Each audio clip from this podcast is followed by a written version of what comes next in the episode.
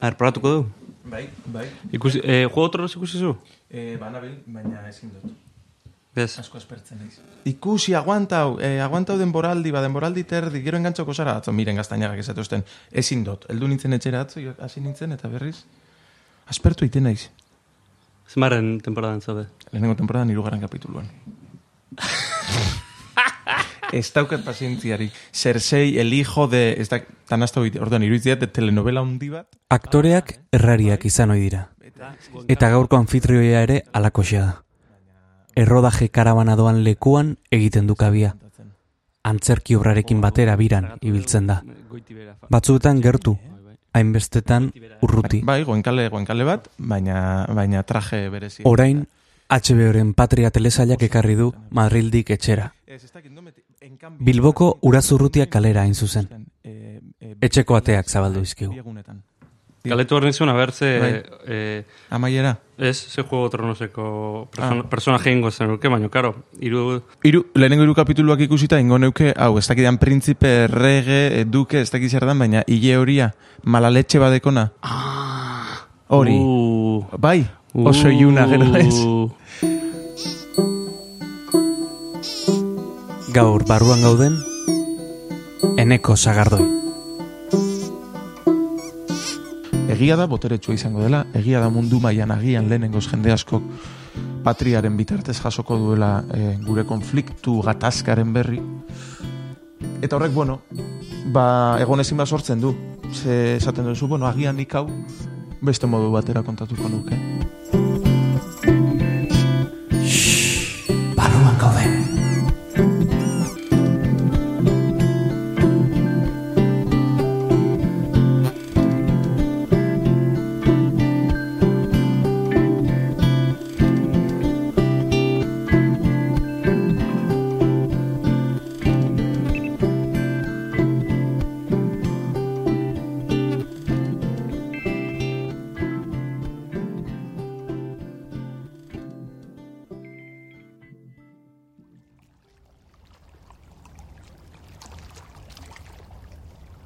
Bilboren alde honetara, atentzio pixkat jarrez gero, Ibai Zabal Ibaia entzun daiteke hizketan. Hiriaren zainetan dabil, etengabe berrituz gogoa.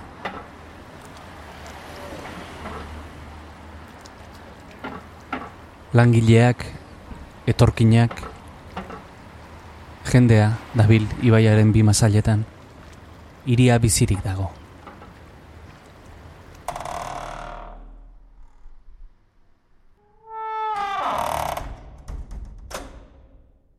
Lannister. Lannister Lan, deitzen da? Lannister etxekoa. Hori. Lannister etxekoa? Ah, bale. Lannister da... Ba, eh, Lannister tar izango Harry. Potteren Slytherin izango zana. eh, Ez que Harry eh, Potter ere, Ez, zer. benetan, ez que, be- lagun asko daukataz ere bai, Harry Potteren jarraitzei, baina, ai, ez que, al, agobiatzen naiz, ikusten dut zenbat kilometro gelditzen dineiteko aurretik, eta esaten dut, oin hasiko naiz ni, ez, Mhm. ez, ez nahiago dut. Eta zertan pasatzen zuen bora? Aizialdia zertarako erabiltzen duzu? Bai, ba, egia da, gehien bat fikzioa ikusteko, bai Netflixen, HBO edo zinien, zinera askotan joaten naiz, e, hemen gainera orain Bilbon, alondi gara zorionez, askotan. Eta gero, ba, irakurtzen, eta gero egiten dudana da, gauza asko hasita eduki. Hmm. Ze behin proiektu batean azten naizenean lanean, gustatzen zait joatea ikusten, irakurtzen, entzuten gauzak, eta gero joaten naiz biltegietan batzen. Eta adibidez, atzo, edo eren egun erakusten nion nire lagun miren gaztainagari, hemen bizi dena orain, Bai. zorionez ere bai. Eta erakusten nion nola Instagramen daukadan ere bai, e, ikusten ditudan gauzen e, bildumak. Instagramen bertan ikusten ditudan bideo, argazki memeak, Gordei dituzu. gordetzen ditut urrengo ditudan proiektuen izenak Mhm. dituzten karpeket, karpetetan bertan Instagramen orduan denak balio dit. Mm, e, osea, erabiltzen dituzu irudiak e, proiektuetan e, Bai. inspiratzeko? Bai, bai, bai, bai. Em, ba, handiarako adibidez, erabili nuen pila bat, hartzen eta baleen irudiak pila bat, Mm. eta gero nola ez fil, film desberdinetako eh, aktoreen lanak.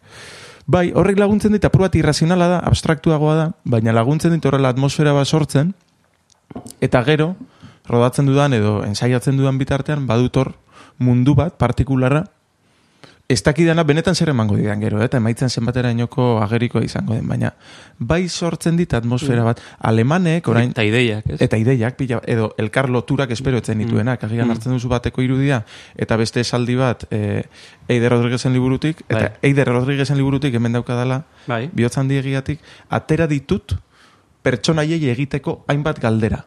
Mhm. Hau da, badago adibidez, oso ondo gogoratzen naiz, bihotzan diegian dago esaldi bat, esaten duena, em, ez horrela, literalki, baina ideia da, em, e, errukia sentitu behar nuenez, bere zen arroiataz, patetismoa bilatu nuen errukirik ez sentitzeko.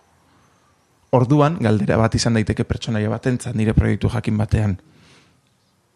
Errukia sentitzera doanean patetismoagatik aldatzen du. Mhm. Eta iruditzen zaitu hori intentzio oso zehatz bat dela begirada batekin edo testu batekin laguntzeko, ez? Mhm. Orduan gustatzen zait, ze denak balio dit, era berean, ba, Juego de Tronosekin engantzatu, ez, baina, mm, banoa gauzak hartzen. Mhm. Ez dakit hori oso produktiboa den edo, baina, bai. Aizara erantzuten, e, galdetu behar nizun gauza bat. E, nola prestatzen den personaje bat, ez? E, nola sartzen zaren personaia baten, nola egiten dezun personaia hori zurea, Bai. eta nola gorpuzten dezun izateko era, e, begiratzeko modu, e, Mhm, mhm. ez? Ez dakit, e, Hori da divertigarriena. Em, nik ez daukadan ez eskola bat, hau da, ez dut lau urtetako karrera bat egin arte dramatikoan, horrek ez du esaterik nahi, formatu naiz naiz, mm beti denbora daukadanean joaten naiz. Eta zorionez, lan egiten asko ikasi ahal izan duz, oso jende desberdinarekin egin du lan. Orduan, ba, metodo bat edo nire bide bat em, deskribatu beharko banu, azten naiz gidoia asko irakurtzen, baina asko da asko. Gero, nik uste dut, idazle frustratu bat daukadan ez barruan, azten naiz ere bai testu asko kuestionatzen, zer behar den esatea eta zer dagoen soberan. Mhm. Ez baitzait bat ere gustatzen soberan dagoen. eh, aldatzen dituzu gidoiak? Bai, beti ere rodaje aurretik. Mm. Proposamenak bidaltzen dizkiet, zuzendariei, eta batzutan onartzen dizkiet, eta beste batzutan ez. Ez dizkidanean e, onartzen, batzuetan gero rodajean, haos esan da, esaten dute, mm, ba bai, ba bai, izan daiteke. Mm. Orduan inoiz ez dakizu ez da. Orduan azten ez gidoia bain eta berriro, bain eta berriro irakurtzen asmo eskutuak, e, errepikatzen diren hitzak, pertsona honek zergatik esaten du horren bestetan baina, baina, baina, zergatik erabiltzen du eriotza hitza horren beste, zergatik ez du esaten e, orain patriarekin nabil e, terrorista hitza, zergatik ez du erabiltzen hilketa hitza. Guzti horrek, hau da, agertzen denak, errepikatzen denak, eta errepikatzen ez denak, niri informazio bat ematen dit. Hori testutik hasita, gero datoz, nik oso ondo pasatzen dudan e, beste ariketa batzuk direla, nola begiratu, zuzenen begiratzen du begietara, beti iesean ibiltzen da. Ispiluan entrenatzen duzu hori? Begira, izpiluan ez dut inoiz entrenatu izan, bai egin izan dut observazioa. Eta hau apur bat, igual friboloa da, baina bai egin izan dut, edo negar baten harrapatu duanean nire burua, edo e, oso posik, bai, eta egia da, bai, espilu aurrean jarri, ikusteko benetan, benetan, zer gertatzen zaio nire aurpegiari eta nire arnazari eta horrek behartzen zaitu egotera denpora guztian saiatzen konstiente egon zelan zauden, eskuak Bai. nola dituzun, non kolpatzen zaituen e, e, tristeziak, bai nigan eta bai besteengan. Eta nola iritsi sentimendu horietara, ez? Eze, gero, suposatzen dut aktore bezalare, puntu horretara iritsi nahi duzula, ez? Dudari gabe. puntu horretara e, e, per, personaje bat e, apurtzen denean, eneko apurtu hortara ere iritsi berdezu nola bait, edo bai, ez? ez, ados, nik beti esaten dut, osea, izan zaitezke, e, bai, izan naiz deabru, izan naiz e, e, erraldo, izan naiz e, e, biolatzaile. Eta, evidentemente, ni ez naiz transformatzen kimikoki. Osea, eneko naiz, ez, e, denpora egiten ditudan papel guztietan. Egia da gero teknikaren arabera, batzuk asko erabiltzen dute amamaren eriotza, e, maitasun falta bat, edo e, neskalagunak utzi zaitu fikzioan, eta zure amamaren eriotza gogoratzen duzu, negar egiteko. Nien nahi sufritu zalea, eta esan dizuen moduan, ni beti saiatzen naiz su- superrondo pasatzen, negar batean egon arren ez. Hor, e, ni ez jakin bat naiz, eh? Bai. Ez dakit entzuleren bat ere nire tokian dagoen, baina aktorek negar egiteko ze teknika beltzituztela zen zu, amamaren eriotza gogoratzea? izan daiteke amamaren eriotza, ni akordatzen naiz, sasoi baten nik e, e, balio izan zidala. E, beste bat izan daiteke, ez dakizu momentu horretan oso e, e, desgraziau sentitzen bazara, ba, ba besteri gabe zure realitatea akordatzea eta, eta e, e, konturatzea zauden hori fikzioa dela eta bukatu egin dela. Ez, hori ez da gertatu momentuz. Baina bai, zure egunerokotasuneko gauzak ekarri, edo txakur bat ikusi duzu hilda errepidean, edo ez daki dira, ere bai, eh, bueno, gauza abstraktuagoak, eh, irudiak, balio dizkizunak ero. Eh, Pentsatu izan dut nik, eh? Bai. Eh, ikusten denean esena baten aktore bat negarrez. Eta, bai. Eta, eta, sin, bueno, sinistu ez, negarrez ikusten dut. Bai. Eta ez dakit, puntu hortaran, ostras, pentsatu izan dut eh, nire mm -hmm. fantasietan, ni gai izango nintzateke negarre egiteko horrela, ez? Osa, ba, nik uste dut deno garela, eh? Bai. Bai, nik uste dut dela em, vulnerabilidad, hausgarritasun zelan esaten da euskeraz. Bai, vulnerabilidadea, bai. Bai, eh, vulnerabilidade egoera bat permititzen norbere buruari, ez? Bai, ezin nik kosta ezin neharritea, eta ez da enaizelako vulnerablea, eh? eh ez dakite, ez bai, baina, eh? vulnerablea esaten dudanean da, eh, kamera aurrean mm. dagokionez. Hau da, besteen aurrean, eh, eta gainera gezur batean, preste gotea horretara postu egiteko. Ados, ez daukala vulnerabilidadeak edo triste gotak negarrerekin loturarik. Eta hori ere bada, presente izan behar dugun gauza bat. E, pertsonaia bat gidoian triste dagoela e, jartzen duelako, ez du zertan, hori ez da zertan e, malkoetan itzuli behar, ez da? Horretan ere datza gure lanak, esatea, bale, hau imaginatzen dut, horrela esatea, baina biladezadan esateko kontrako modu bat. Niretzat hori da beste muturrera joatea, baina tarte horretan, topatu izan ditut esateko hainbat modu, harritu nautenak gero. Eta ni ikusle moduan ere e, hori, hori gustatzen zaite, ez da, repente, ai ba, nola esan duen hau. Enuke inoizola imaginatuko, baina ez zait horregatik sinez gaitzagoa egiten, ez da. Mm -hmm. Txunditu zaituen aktoreren bat, azken aldean? Pila bat, pila bat, pila bat. Edo escena bat? Escena bat, orain hasiko naiz pentsatzen. Zure armairu hortan sartu duzu? Bai, bai, ados. Em, badago, The Sisters Brothers pelikulan, Golemen ikusi zenuena. Golemen ikusi nuena. Bai, eta hori jartzen du Twitterren jarrai izaten jartzen mm. jatorrizko bertsioan pelikulak. Bai. Da topatzea. Bueno, hor bazegoen eh, badago eh, sekuentzia bat non anaia satarrak esaten dion anaia guapoari eta anaia usartari, naiz eta bera baino gazteagoa den, nahiko lukela izan jefe bat. Bila ari diren jefe bat. Eta hil nahi duten jefe hori gero bera, e, berak izan nahi duela. Eta orduan anaia sarrak begiratzen dio, zatarrak beti itzalean egon denak. Eta esaten dio, hori nahi izan duzu beti ez da.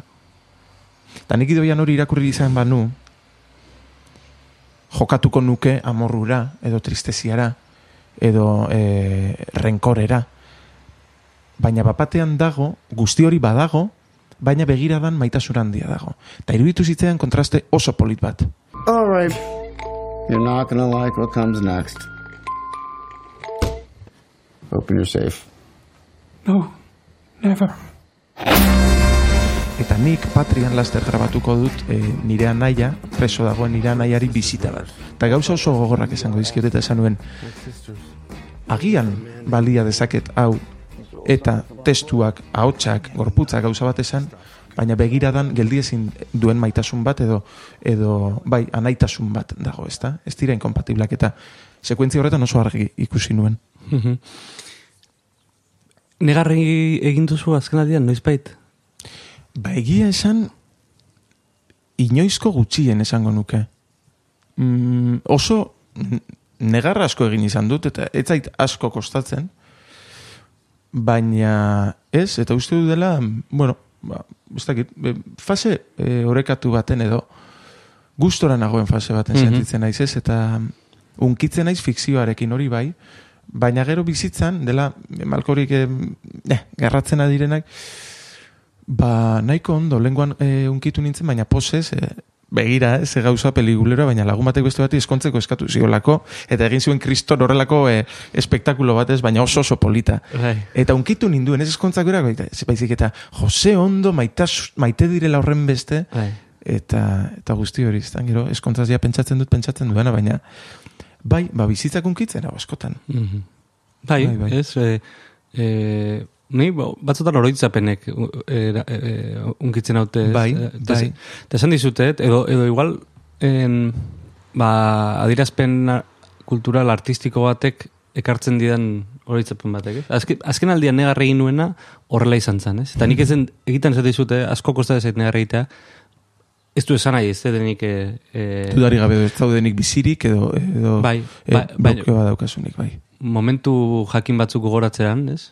Zer, nolakoa garen, eh? Bai, Momentu batzuk jak- gogoratu eta eta bapatean barruan apurtzen da zerbait. E, e, zerbait gertatzen da. Ez dakit zer da, baino. baino ezke nik uste dut badago, badaukagula memoria bat, ez da? Eta memoria emozional bat. Agian burutik urrunduago dagoena, agian eh, astuta dagoela pentsatzen duguna, lehenko irakurri nuen esaldi bat, eh, orain hasi naiz itzultzen testuak frantsesetik euskerara hasi naizelako frantsesa ikasten. Eta hor badago testu bat, eta esaldi bat, esaten duena, bere garaian gehien harritu gintuzten gauzak dira eh, ondoen gogoratzen ditugunak, ezta? Eta harridura hori etorri daiteke berria den zerbaitetik edo berria izan zaigun emozio batetik. Eta gero hori, naiz eta hor ikusezin bihurtu, dudari gabe arteak, eta hori dio honek, kasu honetan zinemaz hitz egiten ari da, zinemak egiten du izpilu lana. Eta guk betetzen ditugu utxuneak, eta utxune horiek dudari gabe betetzen ditugu agian buruak gogoratzen iztituen gauzekin. Eta hor sortzen da emozioa. Eta zuri ba negarra ez, momentu. Mhm. Hori da politena. Mhm. Hau da, ni pelikula bat egiten dut, baina ikusle bakoitzarentzat pelikula desberdin badela esaten dudanean, esaten dut ala delako, gai. Norbera bukatzen du pelikula, ez? dudari gabe. Bai. Pelikula batek beste bat eskuta dezake deitzen da li- liburua Ah, hain zuzen. Eta, eta hori da. Norena da? Dira hainbat autoreri egindako elkarrizketak. E, Belatar, Orson Mhm. Welles, e, Mhm. bueno, hainbat, boste edo. Maxine Shane Feigel. Ez Bai, eh, Bai, ez daukat idarik ere ez nordan, baina hori da autorea Abitu. bildu Horretan dituena. jarriko dugu. Horretan jarriko dugu, lan Hori da, bilatu nahi duenak. Bai, e, ez, ez dugu omen ondirik egingo, ze, uste dut amairu horri alde itzuli ditu dela, baina balio dit ariketa moduan. Ez dakit ere itzulpen eh, desente bat egiten ari naizen, baina divertitzen naiz. Egon gelan gaude. Eta parean dugun leiotik teiatuak ikusi daitezke. Ibaia sumatu dezakegu. Hombre, horren beste txori, egaz, eh, daude eh, ibai baten gainean. Bai. Eta niri gustatzen zait, hemen ikusten dugu, leiotik ninago bigarren hilaren esango genukena ibaiarekiko. Eta gero ikusten da beste kostako lehenengo hilara hori, ez da? Eta orduan gustatzen zait imaginatzea, ibaia dela horren besteko zabala, asko ere zabalagoa dena baino, bilboko ibaia dena baino, eta orduan imaginatzen ditut gon, gondolak. Eta Italia, baina de repente trena entzuten dugu orain, ze tren bidea ere pasatzen da, orduan, ba, uretatik doan tren bat, Oso polita da, eguzkia jotzen du denpora guztian, euli asko sartzen zaizkit eh, salan. Hori guri ere gertatzen zaigu. Ja, ze, hori ze bada exactamente, ze beti pentsatu izan dut, ze nahi da bie, freskotasuna, baina gero, Ez oso raroa da. Baina, baina... Hemen eh, erdian gelditzen dira gainera. bai. Oso, e, e, truko bat esango dizut. bai, Ez dakit egin daiteken hemen, eh? baina ure, ur boteiak urez beteta jarri, Bai. kanpoan, eta desagertzen dira. zelan urboteia jarri. Ur bat Ur- bai. Plastikozkoa, Bai. urez beteta, jarri kanpoan, desagertzen dira euliak. Desagertu, ordu Desagertu. laurdenean. Ez daude. Ez egia zu galdetu zergatik, baina ez daude. Hori egiten dugu. Ostia, ba, ez dakit. Benetan, eh? Pentsatu junzarela esateran, ezinta, ezinta itxaskor hori, horia. Ez, osea, gauza animalistago bat. Boteia Bai. urez beteta jarri, eta Benetan? desagertu. Ja, baina ez daukagu oraindik azalpenik. Ez, Horri. da fedea da.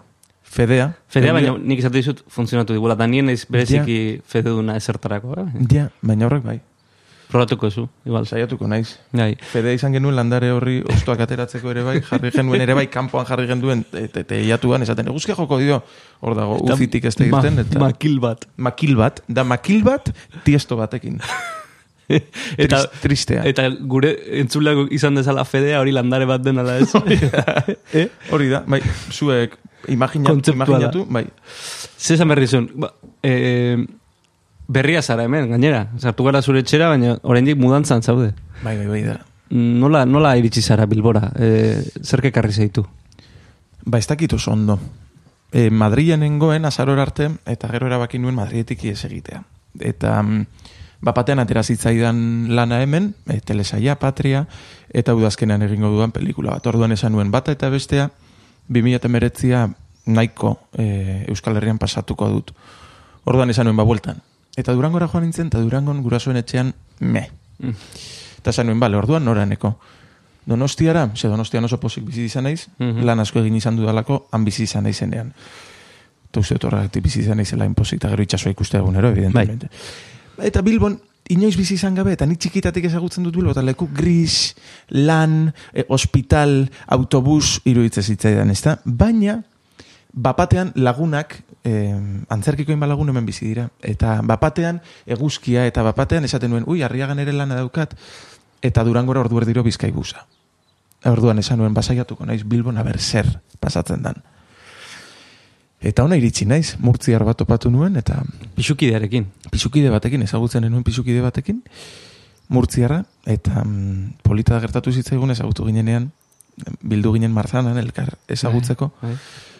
Eta bueno, pues eso, hau da nire ideia, nik hau nahi dut, etxe bat, non ordenatuak izango garen, eta hori, eta nahiko alaia naiz, erizaina naiz, eskalatzen dut, eta zine antzerki esaten nionik, ba, bueno, ez, ba, eta mm, hor gelditu zen kontua, eta esan zidan, gero mezu batez, bale, oso ondo, ba, aurrera goaz, eta goazen elkarrekin bilatzera. Bai.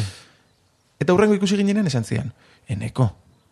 Osea, joan nintzen gure hitz hitzorduaren ostean joan nintzen nire lagunaren etxera, eta esan nion, ego naiz, durangokoa den, e, aktorea da, eta bere laguna bilbotra da. Bai. Durangoko aktorea, aba hori izango da eneko sagardoi. Eta, a ber, argazkia, bueno, eneko ba- deitzen, eta argazkia ikusi zuten, aba bai, bera da, eta esan zion pisuk, eh, lagunak. Hombre, Andrea, eh, berarekin gelditu baina egun bat lehenago ikusi zenuen handia. Eta orduan, Ah, bai. mezu bat bidali zidan esaten, Joder. handiako azara, baina ikusi eta neugan aurreko egunean daitzen konturatu, ez? Orduan, bai, oso, oso hasiera polita izan zen, bai. Bai, bai, bai. Eta, eta etzen konturatu, eh? Esan konturatu inundik ino. Ez zintuen ikusi horren ez handia. nire teoria da igual lokartu egin zela purua pelikula ikusten. Orain txegatoz. Zuzeuk hainbat podcast ekoizten ditu astero-astero. Guztiak podcast.eus webgunean topa ditzakezu. podcast.eus. Gainera, webgunean bertan topatuko dituzu podcasten munduan murgiltzeko argibide guztiak. Zuzeu podcast, zure hizkuntzan mintzo diren istorioak.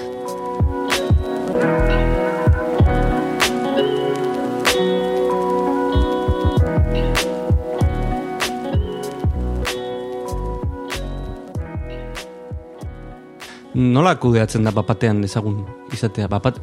Zan nahi dute, e, bapatean jende askorentzat bihurtzea, ba, bai, ai, aipatuko dut askotan esan dizuten hitz bat, Bai. nire ez gustatzen, no? Baina, modako bai, baina bada. e, bihurtzea, ez? Baina hori, e, ontxe, azken esan duzunari helduz, etzaigu gustatzen, baina hala da.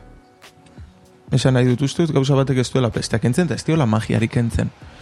Orain akordatzen dira nitaz, orain ez esan behar diet, hainbat proiekturi kalean jendeak gelditzen hau. Eta agian, hil arte, honetara dedikatzen jarraitu nahi badut, hala izango da, edo gehiago. Edo agian, ez. Mhm. Eta hori da errealitate bat, gertatu zaielako lagun askori. Mm, Eta Madrilen gehiago ikusten duzu, aukera gehiago izan dituen jendea dagoelako. bai. Hori ala da, orain, gaur egun, errealitatea da, bai, ezagura naizela. Eta Bilbon sekula ez zait gertatu em, kalean, gazteleraz adibidez inork gelditzea. Mhm. Euskaraz bai, goen kalen enbilenean, antzerkia egiten nuenean, euskaraz egin izan nuelako lan gehien bat. Baina orain, eta jende hurbiltzen zaizu eta esaten dizu, zu, oso jo, zorionak, eh? hau, eh, bueno, eh, pelikula oraindik, bueno, ez dut ikusi, eh? baina goia eta guzti hori, eh? Orduan, ez, horri ere balio ematen digozut, esaten duzu, bale, bueno, ezaguna naiz, batzuk egin dudan lanaren gatik ezagutzen dute, eta beste batzuk simpleki e, televisión espainolan gala hartan agertzeagatik ez, Eta bestek esaten dutenagatik. eh, noski, ez? noski. Ne zurrak entzutzen dizkiat. Nola azten nahi dian entzutzen diat. Indar guztiekin aleintzen hau gelditzen baina... Ez diat lortzen.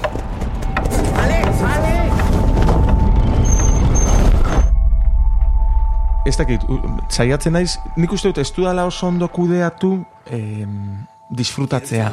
Mm, Ondo kudeatu dut em, umila izaten jarraitzea. Hori bai uste dut. Baina disfrutatzea ez ez dut disfrutatu izan. Orain ari naiz ba, lasaiago hartzen gauzak eta ulertzen jendearen eh, jarrerak ez da, baina Y el Goya al mejor actor revelación es para Eneko Sagardoi por el día.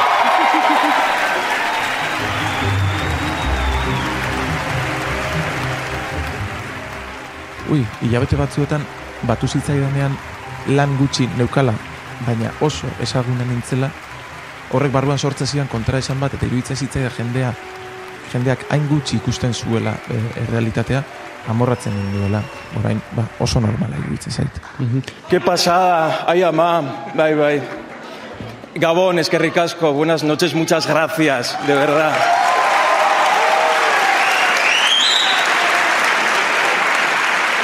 Un beso a Paul, a Santi, a Eloy, que ha sido un placer compartir con vosotros estos días de verdad, de verdad.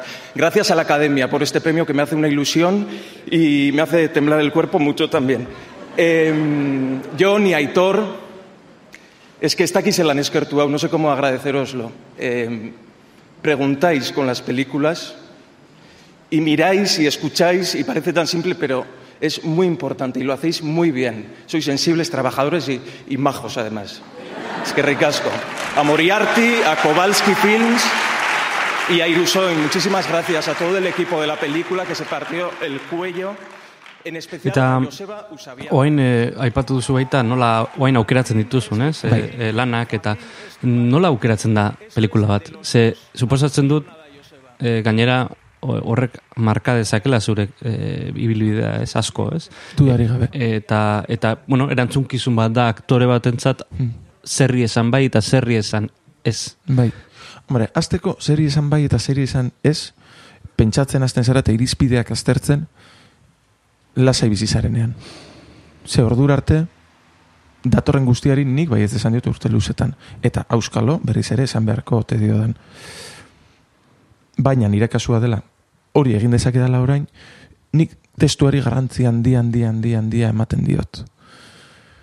Zuzendariak biltzea ere bai. Eta gero badaude, beste elementu batzuk, ezta? E, zure karreran ze motatako lanak egin dituzun, oso berdintxua den, oso e, e, kontraste handi bat izango den, eta komeni zaion, zure karrerari guzti horretarako daukat, talde handi bat Madrilen. Mhm. Nire karrera aztertzen duena, eta nik kaso gutxi, nahiko gutxi egiten diedana. O, Barkatu, eh? Bai. Talde hori nor, ze talde da? Talde hori da nire agentzia. Aha, agentzia bai, bat. Agentzia bat eta normalean ba, aktore askok agentzia daukagu eta agentziaren barruan dut nire representantea Espainiar estatuan, Mhm. nire representantea Europan eta estatu batuetarako eta gero publizitatea lantzen didan bat, prentsa lantzen didan bat Mhm. eta dirua negoziatzen duena edo katxe famatu hori diseinatzen duena. Mhm. Orduan horrek iritzi bat, haiek iritzi bat ematen didate, heltzen zaizkidan lanen inguruan. Baina, bueno, nahiko diskonforme egon e, oigara normalean. Em, dena dela gero badaude elementu pertsonalagoak, eta dira hori, testua irakurtzea, zuzendari ezagutzea, eta badaude, ba, ba, bapatean, em, bueno, elementu batzuk gauza guztiz alda ditzaketenak. Adibidez, niri pelikula bat eskaintzen badidaten, eta e, argazki zuzendaria ezagutzen badut, eta asko gustatzen baldin bazait, puntu asko irabazi ditu. Gertatu zaizu inoiz eh, agentziarik izan, esatea pelikula hau eh, babitu eh, baldintzak ez dakize hau Bai. hartu behar da esatea ez ez? Osa, azken hitz hortan. pelikula batekin ere ez. Ez. E, bai. Ez que baneukan aurretik agente bat, segituan moztu genuen harremana, handiaren aurretik izan zena. Eta arke etzidan argi esaten handia egin behar nuenik. Mhm. Baina tira hori beste, beste bai, Bai, bai, bai. urte asko dira ja. Bueno, ez, horren beste, baina niretza bai.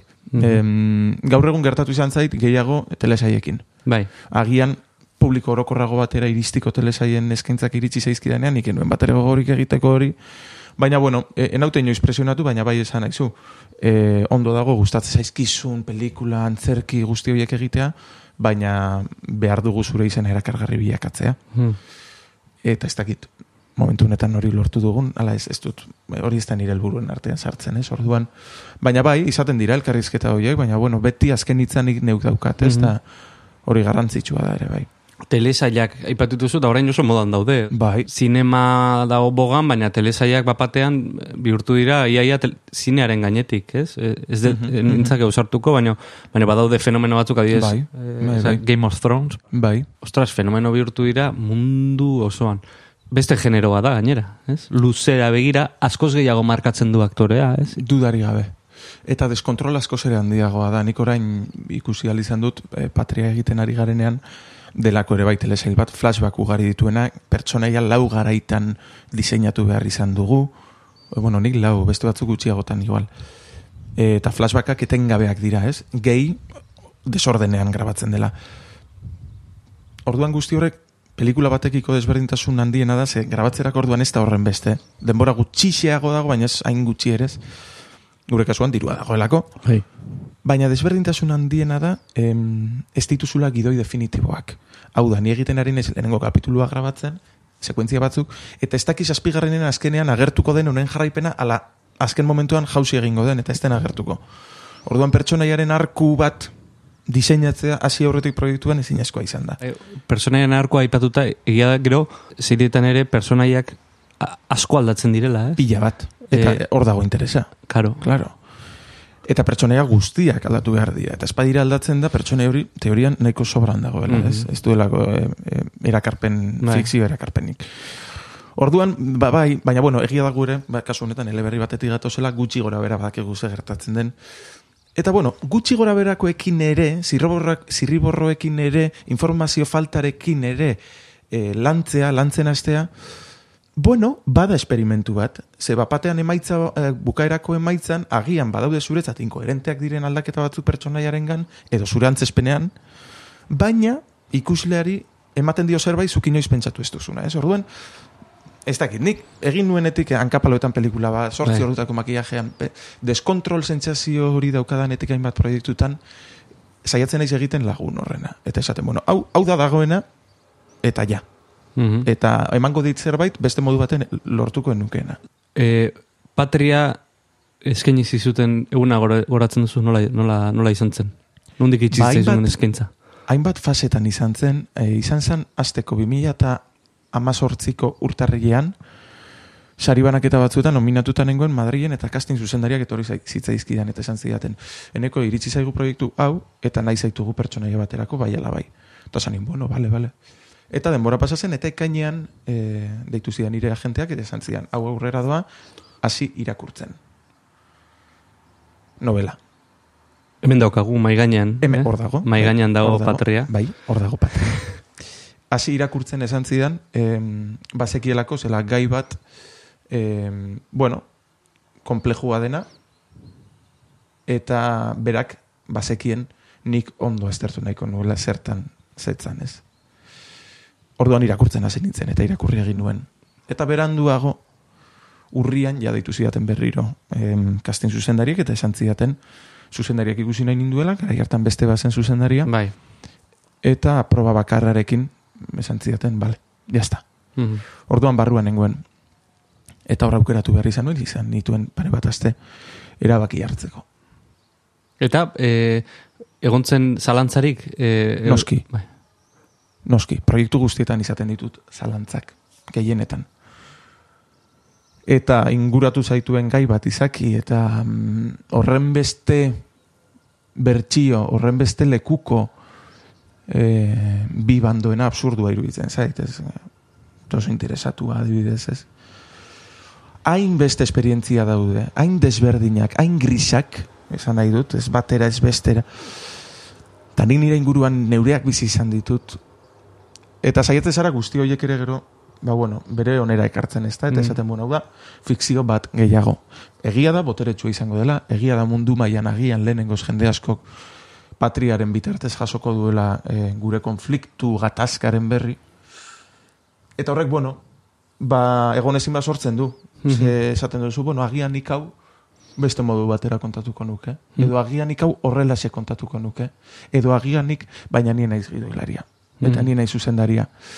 Eta puntu bat iristen da non balantza egin behar duzun. Eta esaten duzu, bueno, agian ez zaude guztiz ados kontatzen denarekin, kontatzeko moduarekin, baina beste proiektu batzuetan ere naiz egon, eta nire bosgarren proiektua da, eta tartean dagoena, eta guztietan izan dut gauzak beste modu batean kontatzearen e, desio bat, agian egunen batean, ba egingo dut nik. Mhm.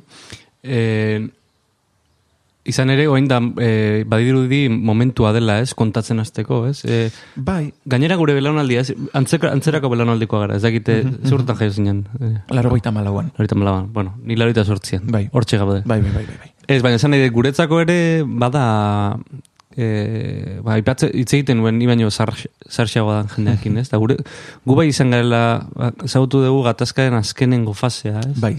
Azkenengo fasea, Eta ia ia hori ere ez.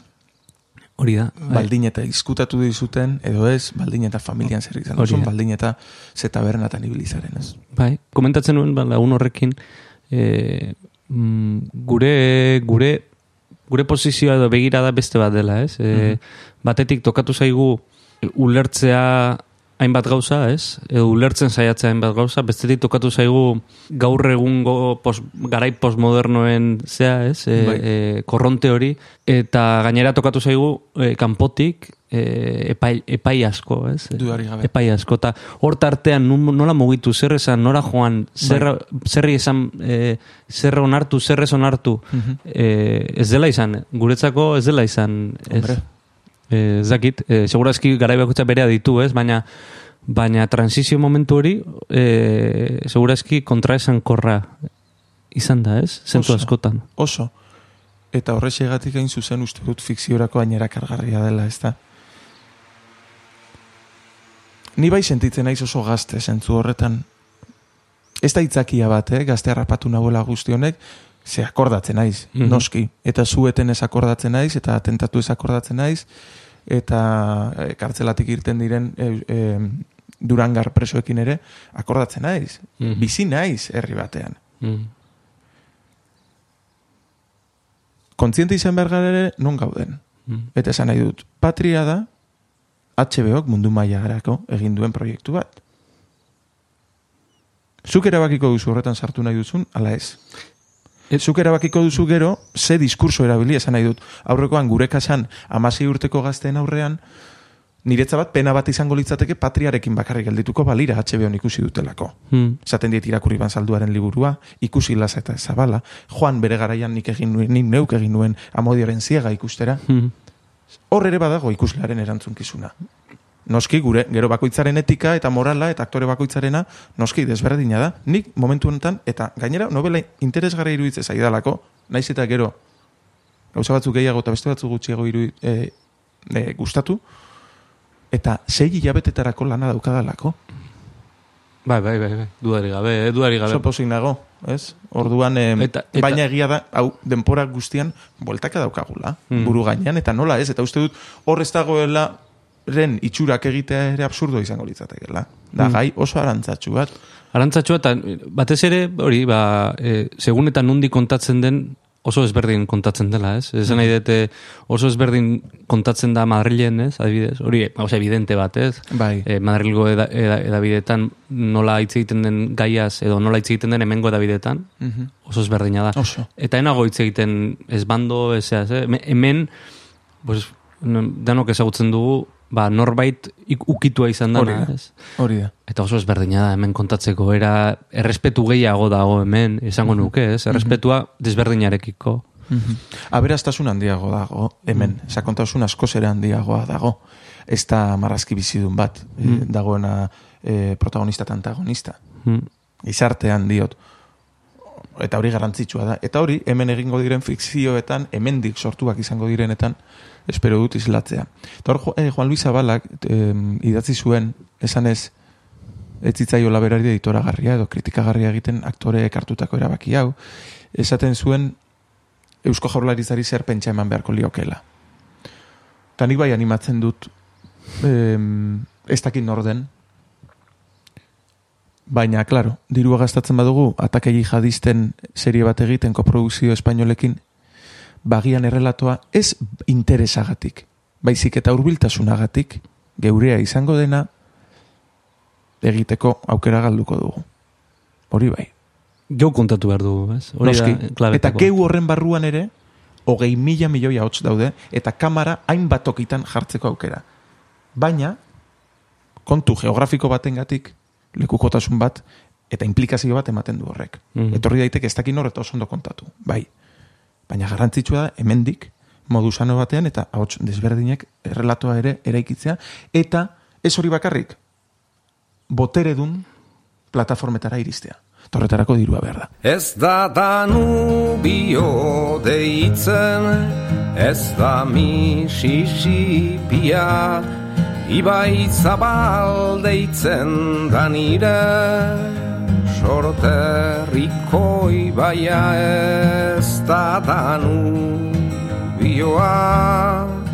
ez da ibai horia errekalabur mehe erdoilurez betea ani biltzen ginen antzina.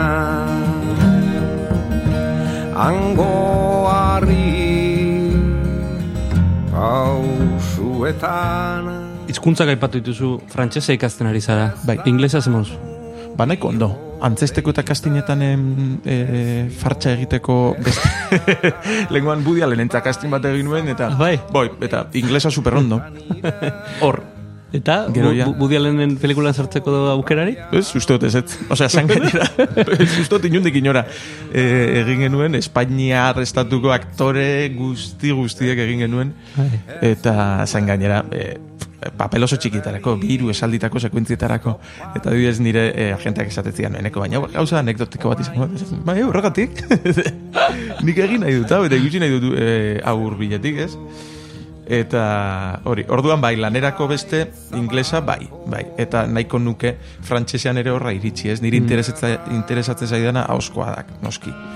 Ez dakit zelan geretatu den Ura parura saratzea Inoiz edan egingo nuen Ibaitza balekoa Ez da danu bioa Ez da E, antzerkia ez dugu, antzerkia ez dugu asko hitz egin, baina egia da askotan e, zinemak jaten, du, jaten zuela antzerkia, eta orain Bai. zi- zinemak eta telesailek, oza, pantaiak jaten Bai. du e, esena tokia, ez? Hombre, niri gertatzen zaidana da, e, zineak edo telebistak ematen didala dirua. Eta diruak ematen dit lasaitasuna. Orduan ze gertatzen da, garai horietan eneko oso orekatuta egoten dela. Egoten da lasai, eta egoten da bizitzen tranquil. Ze gertatzen da, gero hori aurreztu baduzu, eta antzerkien bazaude, zoragarri. Horregatik egin dut honen ostean antzerkia datorrez. Zoragarri. Orain, justu bazabiz eta antzerkiarekin, jo, asko disfrutatzen duzu e, nire kutuna antzerkia da, zalantzari gabe, baina garai gogorrak izaten dira. Eta, ua, ordu asko sartu behar dituzu, eta gero trukean, ba, bueno, eta orain, niri antzerkiak sortzen didana, nik ez dut beste inon topatu, ezta? Eta horregatik etengabe itzultzen naiz eta itzuliko naiz. didan bakarra urzarez berritzen dit gogua Ibai zabaleko uerrak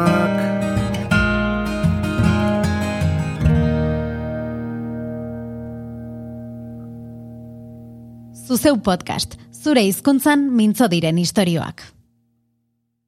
Aipatu duzu leno e, zutabe ura berriakoa, e, Bai. e, sanaz, e, ba, bueno, jarrolaritzak edo pentsatu beharko lukela, ez? Edo ete, e, Bai. badago loturarik hor. Bai, E, e- egia da, eta ho, aipatu nahi nizun, e, arrobi izan dela goenkale, ez? Eta kaso arrobi, Bai. hort, arrobi hortatik irten den azkenetariko tako bat zu zarela, ez? Bai, bai, bai. Eta gaur egun ez dagoela. Ez Hor- dago. ez dago olakorik. Ez. Eta ez dirudi.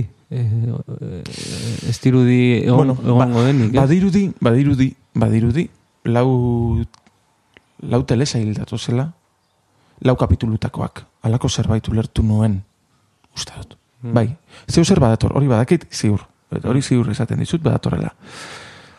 Pena handi bada, osea, goazen egonda, eta egongo egoten jarraituko du, Bai. eta horrek betetzen du segmentu bat. Gustatu gehiago Bai. ala ez, ez?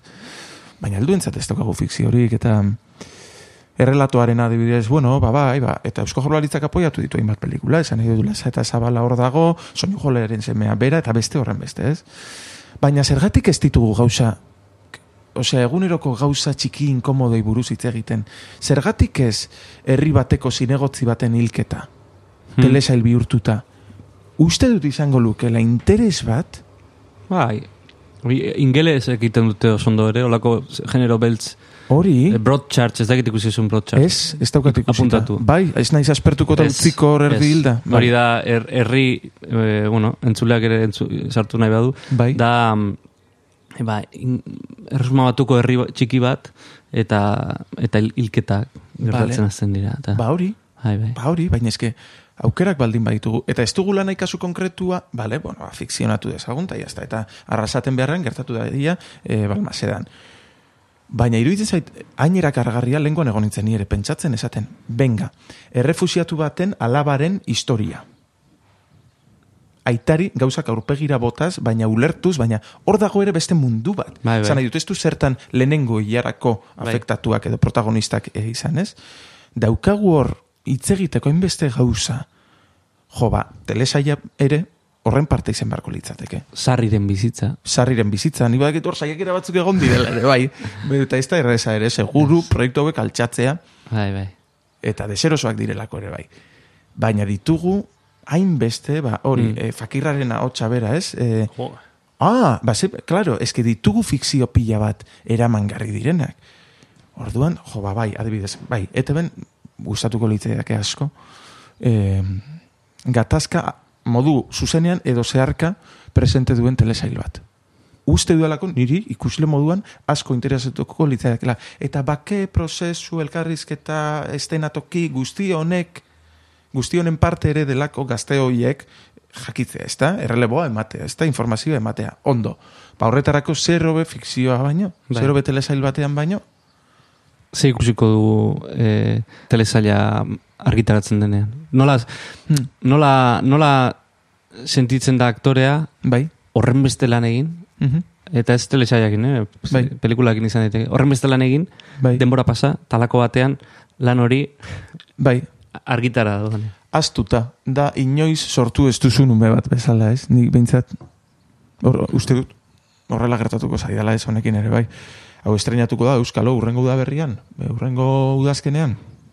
Ni orduan, hain zuzen, egongo naiz teorian Atlantikoaren beste aldean, orduan, horregatik ez dut pentsatzen, zeo jartzun izango du, zenba jentek ikusiko du, bilakatuko da ez dakiz zertan? Eneko, zein porta zaizu, ez pasara hemen egongo, orain lanerako honek ez dizu ezertarako balio, enkanbio, irakurtzen ibiltzeak, ikusteak, guzti horrek bai. Eta zure pelikulak ikusi dituzu? Gutxi, A- oso, oso gutxi. Ez. Hori Josebak egiten du, Joseba Usabiagak, eta oso ondo doakio. Zegero kontzientzia irabazte bada, ez? Baina, ez, ez zait gustatzen. Ez zait gustatzen rodajean bertan em, konbora, zuzendariaren telebistatxola Mm. joan, eta ikusterik ere ez. Konfiatzen dut, et, baina dudari gabe ikast, ikusten ditut, gero, eta bi hiru aldiz saiatzen naiz, eta gero, gustoren gelditzen naizen aldian, usten dut ja. Handi adibidez ikusi nuen azkenengoz, asko gustatu zitzaidan, ez dakit laugarren aldia izan zen, jazta. Ni, ni, ni gertatzen zaite adibidez, ma, margolaria ezin dut ikusi. Ez, Eh, Ezin dozu ikusi, orain dinik ez dut ikusi ez. Ba, ezin dut ikusi nik. Ez, eh? Ez. Ez, ez, ez, bueno, nire ikuspegia ez da aktoreana, claro. Bueno, baina zuk zenbat aldiz ikusi duzu. Ba, ikusi dut, bai. Claro. Ikusi dut. Baina, baina Claro. ikusi dudan alditan ere ez- ezin nuen ikusi. Ze, ar, damutu naiz. Ze, azten naiz detailei begiratzen, gauzei begiratzen. E, nago pelikula ikusten, nago, nago galderak egiten ere buruari etengabe, eta hori ez da modu sano bat. ez? Bai. Baina badakizu, gero, ba, akordatu naiz moriartikoekin, moriartikoak zoratuta duden, ez? Hori egiten dute etengabe. Baina momentu bat iristen da, zen landoa, ez dakit, ez da, eta ez dakizu, ez dakizu, ez? Baina, Bai, eta hau egin izan banu, bueno, hau egin izan bazenu, beste horrek ez luke funtzionatuko. baina hori da ez? zoragarria, zen beti rodajetik natorrenean, eta sekuentzia gogor bat egin dut, eta esan dut, ai, esaldi hau, enuen horren beste enfatizatu behar, edo zeharka, edo e, bota behar nion zatituta, edo, Osea, eta gero horregin behar dut nik beti ariketa, osea, lasaitu zaitez, ez dago esateko modu bat, etzegoen modu superon bat, dauden mila modu, ez? Orduan pelikulekin ere montatzen suposatzen dut, berdin. Lasai, lasaitzeko eta ta erlaxatzeko modu oberik ez da li, hemengo lehioti biratzen. Bai, ez da? Gainera banderatxo horrek, daude holan leio gainean eskegita kanpoko aldetik, eta mugitzen Bai, dira izearekin, eta hasieran niri nahiko, ne, kutretxoak iruditzen zitzaizkian, hemen zeuden ja. Baina gero, konturatu nintzen, eh, espaleude, ikusiko nukeenak, txoririk pasatu ezean, elukela bizitzarik, Mhm. Osa, izango litzateke marku bat moduan. Da, zena baterako prestatuta ematen du, ez? Bai, guztiz, guztiz, guztiz. De hecho, argi bat sartzen da kastinetarako oso dena. Grabatu izan ditut hemen niretzat eta beste batzuentzat. Bai. Kastinak, horma zuri honekin. Bai. Eta sartzen den argia da super egokia. Noiz sartzen, e, ordu jakin batean? Goizean hasten da, baina arratsalden ere ona dago, ze beste aldean dagoen ez eguzkia, parekoan eh, ematen du bete-betean. Orduan ona iristen da islada. Aha. Bai, egia esan horretara, horregatik bakarrik etorri naiz bilbora bizitzera. Eskerrik asko, Eniko. Eskerrik asko, ateak saltzetik. Gozada bat, oso, oso gogotsu nengoen, hemen parte hartzeko eta, bueno, barrura zuzartzeko.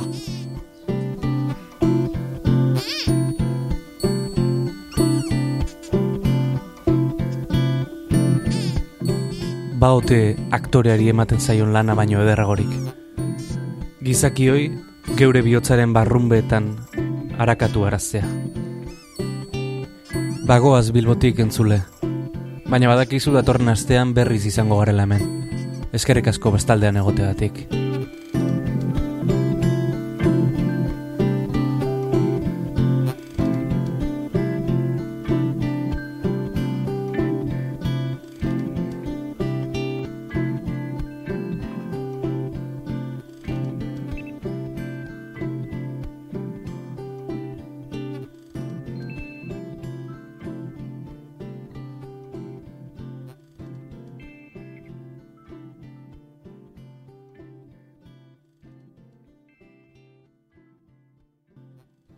Edozein plataformatan entzun dezakezu zuzeu podcast. Spotify, Apple Podcasten, Google Podcasten, eta plataformaren batean espalin gaude, idatzi podcast abildua zuzeu.eus elbidera. Hori da podcast abildua zuzeu.eus. Eta segidan igoko dugu plataforma horretara ere gure edukia. Eskerrik asko eta hurrengora arte.